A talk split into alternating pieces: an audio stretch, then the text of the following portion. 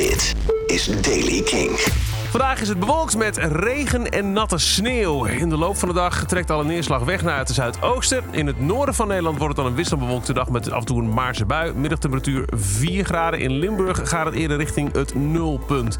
Nieuws over Dave Grohl en Live Aid. Dit is de Daily Kink van dinsdag 7 maart. Michiel Veenstra. Misschien heb je de beelden wel gezien vorige week van Dave Grohl... die meehielp met voedsel bereiden voor dakloze mensen... en mensen met ja, niet echt een goede huisvesting in LA. Waar het weer de laatste tijd eh, heel wisselvallig en soms ronduit slecht is. Sneeuw in LA, dat is bijzonder. Nou, hij gaat ermee door. Dat heeft Feed the Streets aangekondigd. Feed the Streets is een vrijwilligersorganisatie die dus voedsel bereidt voor mensen die het nodig hebben. En Dave Grohl gaat dat volgende week weer doen. Vorige week gaf hij 500 mensen te eten.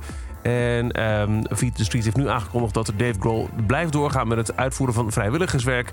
om het maandelijkse doel van 3500 maaltijden per maand te halen.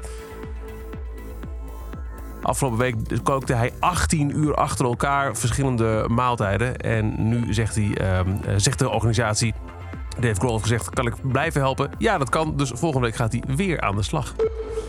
Ruim een jaar na de Russische inval in Oekraïne gaan er geruchten berichten dat er een Live Aid benefietconcert komt in het Londense Wembley Stadium.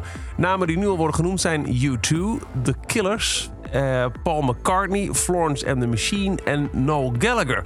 Dat meldt de Britse krant The Sun. Het zou moeten plaatsvinden op 24 juni. De krant garandeert dat de grootste wereldsterren op het podium van het evenement zullen verschijnen. It's going to be huge, schrijven ze.